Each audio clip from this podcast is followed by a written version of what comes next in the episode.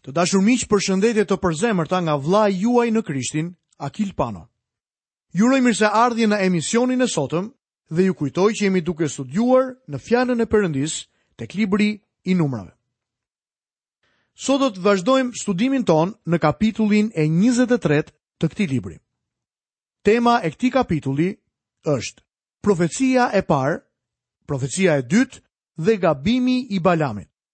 Këtu do të shohim gabimin e këtij profeti paditurinë e tij për drejtësinë e Zotit. Kjo është një skenë dhe një çështje në fakt shumë e rëndësishme. Balami mbërriti tek Balaku, mbreti i Moabit. Balaku e çon Balamin në majë të malit në mënyrë që ai të mund të shohë kampin e Izraelit. Çështja është se Balaku nuk kënaqet me asnjë nga profecitë e Balamit. kështu që e çon në katër male të ndryshëm të katër anëve të kampit ku ishte duke fushuar populli i Zotit. Le të shohim profecinë e parë. Balaku e çoi Balamin në vendin më të lartë të Balit.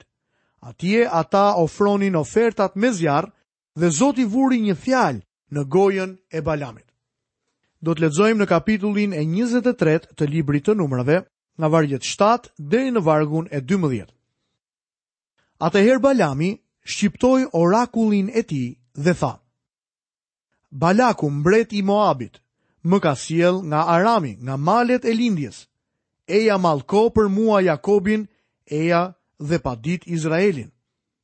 Si mund të padis atë që Zoti nuk e ka paditur? Unë e shoh nga maja e shkëmbinjve dhe e sodis nga lartësitë. Ja, është një popull që qëndron vetëm dhe nuk është përfshirë në gjirin e kombeve. Kush mund të llogarisë pluhurin e Jakobit apo të numërojë çerekun e Izraelit? Vdeksha unë si njerëzit e drejtë dhe qoftë fundi im i njëllojtë me atë të tyre. Atëherë Balaku i tha Balamit, Ç'më bëre? Të mora që të mallkosh armiqtë e mi, kurse ti i bekove me të madhe. Por ai u përgjigj dhe tha, A nuk duhet të kujdesem unë të them me të shpejt atë që Zoti më vë në gojë? Kjo është profecia e parë në lidhje me popullin e Izraelit. Kjo nuk ishte ajo çfarë donte Balaku, ky mbret, që Balami profeti të thoshte. Ai nuk u kënaq me këtë profeci, kështu që e çoi Balamin mbi një mal tjetër për t'i dhënë një pamje tjetër të bijve të Izraelit, ndërkohë që ata kishin fushuar në lëndinë. Le të shohim profecinë e dytë. Lexojmë nga vargu 18 deri në vargun 24. Atëherë Balami shqiptoi orakullin e tij dhe tha: Çohu Balak dhe dëgjo. Rri vesh ngrehur bir i Tsiporit. Perëndia nuk është një njeri që mund të gënjejë, as edhe bir njeriu që mund të pendohet. Kur ka thënë një gjë, nuk do ta bëjë? Ose kur ka shpallur një gjë, nuk do ta kryejë? Ja, Unë mora urdhrin që të të bekoj. Po, ai ka bekuar dhe unë nuk do ta heq bekimin e tij. Ai nuk ka vërejtur paudhësi tek Jakobi dhe nuk ka parë përdhosje tek Izraeli. Zoti Perëndia e tij është me të dhe klithma e një mbreti është midis tyre. Perëndia që e nxori nga Egjipti është për të si brirët e fuqishëm të buallit. Nuk ka magji kundër Jakobit,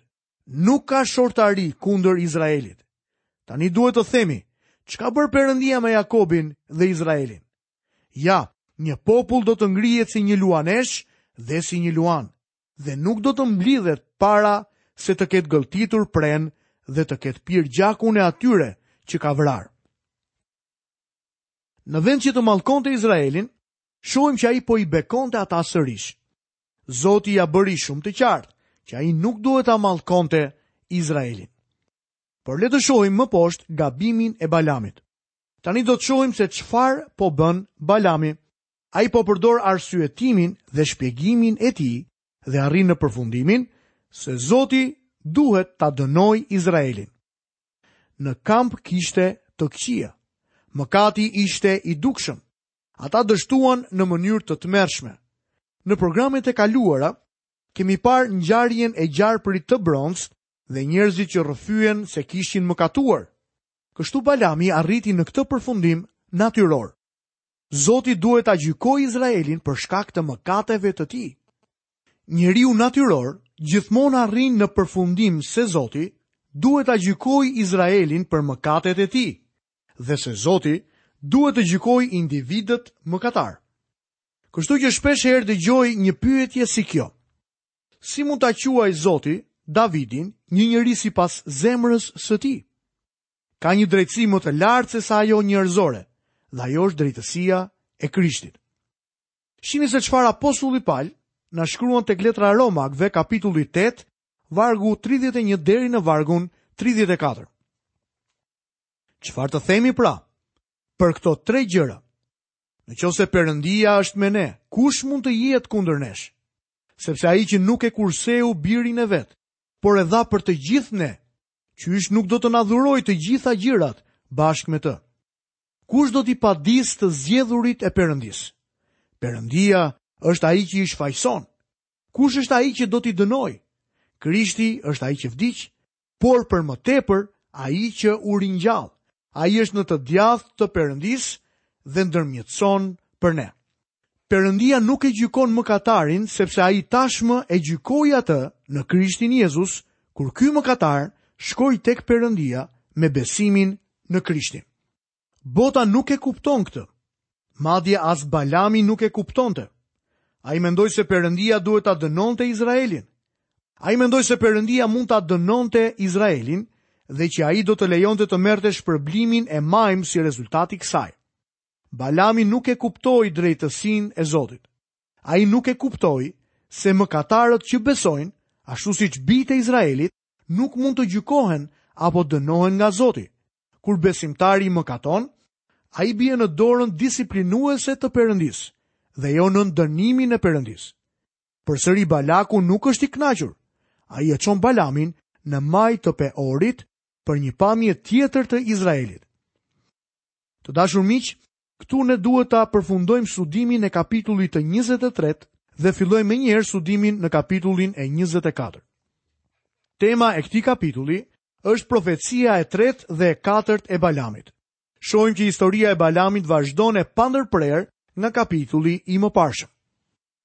Lexojmë në kapitullin e 24 të librit të Numrave, vargun e parë dhe të dytë.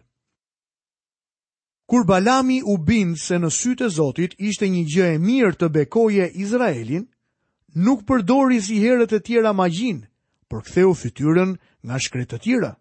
Dhe me sytë e ngritur, Balami pa Izraelin që kishte fushuar sipas fiseve dhe fryma e Perëndisë e mbuloi atë. Këtu jepet diçka që na habit. Shpirti i Perëndisë erdhi mbi këtë njeri. Dëgjojeni profecinë. Lexojmë nga vargu i 3 deri në vargun e 9. Atëherë shqiptoi orakullin e tij dhe tha: Kështu thotë Balami, biri i Beorit, kështu thotë njeriu sytë e të cilit janë hapur, Kështu thotë ai që dëgjon fjalët e Perëndisë, ai që kundron vizionin e të plotfuqishmit, ai që rrëzohet, por syçel. Sa të bukura janë çadrat e tua, o Jakob, banesat e tua, o Izrael. Ato shtrihen si lugina, si kopshte gjatë një lumi, si aloe që Zoti ka mbjellë, si kedra pranë ujërave. Do të derdhë ujë nga kovat e pusit. Pasardhësit e tij do të banojnë pranë ujërave të shumta. Mbreti i tij do të ngrihet më lart se Agagu dhe mbretëria e tij do të lartësohet. Perëndia që e nxorri nga Egjipti është për të si brirët e fuqishëm të buallit. Ai do të gëlltisë kombet armike për të do të copëtojë kockat e tyre dhe do t'i shpojë tej për tej me shigjetat e tij. Ai përkulet, mblidhet kruspull si një luan dhe si një luaneshë, kush do të guxojë ta çojë. Qoftë i bekuar ai që të bekon dhe qoftë i mallkuar ai që të mallkon. Fakti ishte se në kampin e Izraelit kishte mëkat, por Perëndia ishte marrë me të. Ai kishte vendosur gjarprin prej bronzi. Mëkatet ishin falur, Zoti nuk do të lejojë dikë nga jashtë të sjellë një akuzë kundra tyre. Gjithçka që mund të bëjë Balami është vetëm t'i bekojë dhe t'i lavdërojë. Kështu edhe Satani nuk mund të sjellë asnjë akuzë kundra të zgjedhurve të Zotit. Në letrën drejtuar Romakëve kapitulli 8 vargjet 33 dhe 34 Apostulli Pal na shkruan. Kush do t'i padisë të zgjedhurit e Perëndisë? Perëndia është ai që i shfajëson. Kush është ai që do t'i dënojë? Krishti është ai që vdiq, por për më tepër ai u ringjall. Ai është në të djathtë të, të Perëndisë dhe ai ndërmjetëson për ne. Çfarë të themi pra për këto gjëra? Në qoftë se Perëndia është me ne, kush mund të jetë kundër nesh? Nuk më mbetet asgjë tjetër për të thënë, veçse lavdi Perëndisë. Kush mund t'i padisë të zgjedhurit e Zotit? Askush. Perëndia tashmë i ka deklaruar ata të drejtë. Lexojmë në vargjet 10 deri në vargun e 14. Atëherë zemërimi i Balakut u ndez kundër Balamit. Kështu ai rrahu duart dhe Balaku i tha Balamit: Unë të thirra për të mallkuar armiqtë e mi, kurse ti i bekove tri herë me radhë, tani ik në shtëpinë tënde. Kisha thënë se do të të mbushja me nderime, por ja, Zoti nuk ka lejuar t'i marrësh. Balami iu përgjigj kështu Balakut. A nuk u kisha folur lajmëtarve që më kishin dërguar?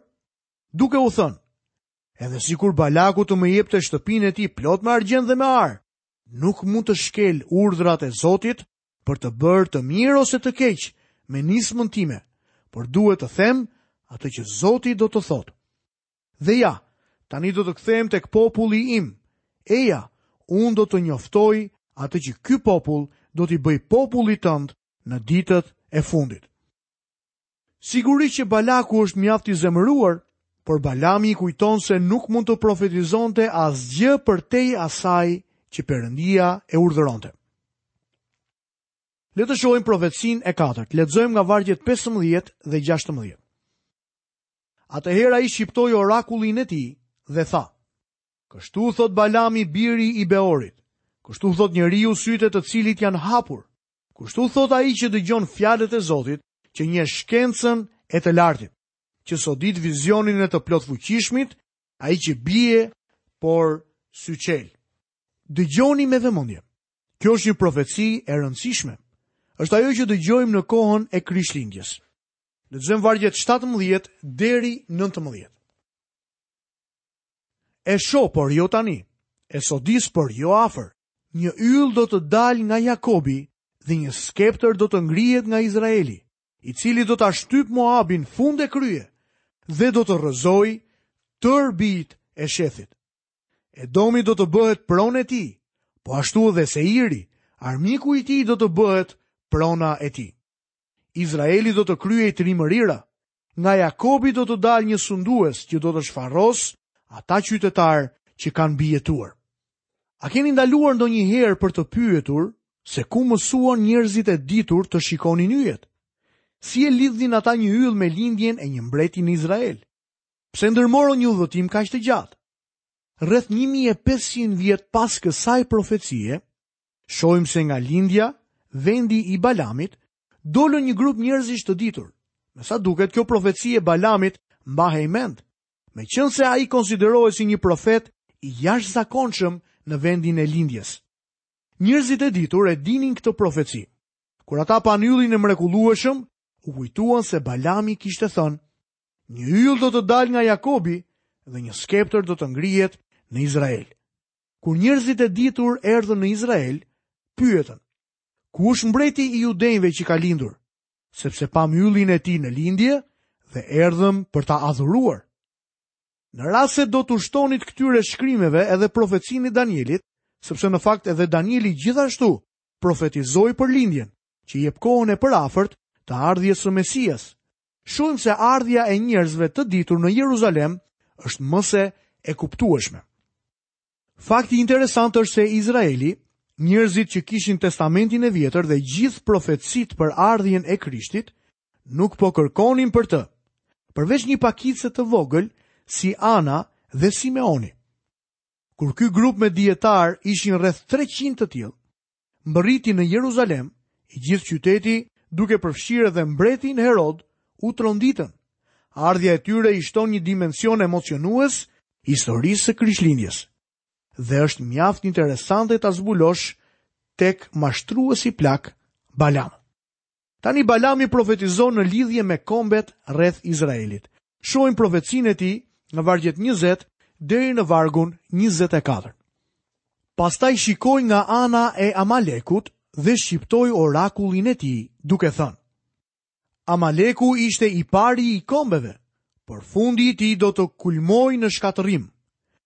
Shikoi edhe nga Kenejtë dhe shqiptoi orakullin e tij duke thënë, Banesa jote është e fortë dhe foleja jote është vendosur në shkëmb. Megjithatë Keneu do të shkretohet përderisa Asiri do të të çojë në robëri. Pastaj shqiptoi orakullin e tij dhe tha, medet, kush do të mbetet gjallë kur Zoti ta ketë kryer këtë? Por anije do të vijnë nga Kitimi, do ta poshtërojnë Asurin dhe Eberin, dhe ai do të shkatërrohet gjithashtu. Ai sigurisht që nuk e kënaqi mbretin Balak me këto profeci. Shohim vargun e 25. Pastaj Balami u ngrit, u nis dhe u kthye në shtëpinë e tij dhe Balaku iku në rrugën e tij. Kjo është një paraqitje e çuditshme në lidhje me Balamin. Ai u ngrit, u nis dhe u kthye në shtëpinë e tij. Në shkrimet thuhet edhe për një person tjetër që u ngrit dhe iku në shtëpinë e tij. Ky njeri ishte Juda.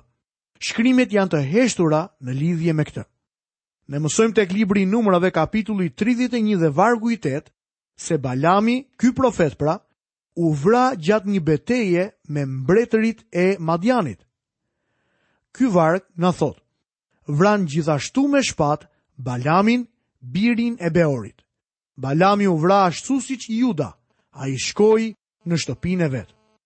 Të dashur miq, këtu kemi përfunduar dhe studimin e kapitullit të 24 të librit të numrave dhe do të fillojmë tani së bashku studimin në kapitullin e 25 të këtij libri. Temat që do të shohim dhe do të shqyrtojmë së bashku në këtë kapitull janë këto. Doktrina e Balamit, rënia në mëkat me moabitët dhe përqafimi i tradhëtisë bashkëshortore. Në këtë kapitull do të shohim gjënë më të ulët dhe satanike që bëri Balami në të vërtetë. Zbuluam udhën e Balamit, që është rruga e lakmisë. Ai ishte dhënë pas pasurive dhe madje, është gati të sakrifikojë principet e tij për këtë. Pastaj tek Juda njëmbëdhjetë, lexojmë për gabimin e Balamit. Gabimi i tij ishte se ai nuk ishte në dijeni të faktit se Perëndia mund t'i deklarojë të drejtë mëkatarët që i besojnë atij. Tek Zbulesa shohim doktrinën e Balamit, gjërat e neveritshme që ky njeri mësoi. Por kam disa gjëra kundër teje, sepse ke aty disa që mbajnë mësimin e Balamit, i cili e mësoi Balakun t'u vërë një gur pengese përpara bijve të Izraelit që të hanë flijime idhujsh dhe të kurvërojnë. Kur Balami e pa që nuk mund të mallkonte dot Izraelin, ai e mësoi Balakun si mund t'i korruptonte këta njerëz. Sot shpesh dëgjojmë të njëjtën ide. Ti nuk mund t'i mundësh dot ata. Atëherë, bashkohu me ta. Për shkak se Balaku nuk mund të luftonte dot me këta njerëz, Balami i mësoi atij të bashkohej me ta dhe t'i korruptonte nga brenda. Më shumë për doktrinën e Balamit do të mësojmë në programin e herës së ardhshme. Të dashur dëgjues, deri atëherë, nga vëllai juaj në Krishtin Akil Pano, paçi të gjitha bekimet e Perëndisë dhe paqen e tij me bollëk në jetën tuaj. Bashkë mirudëgjofshim në emisionin e ardhshëm.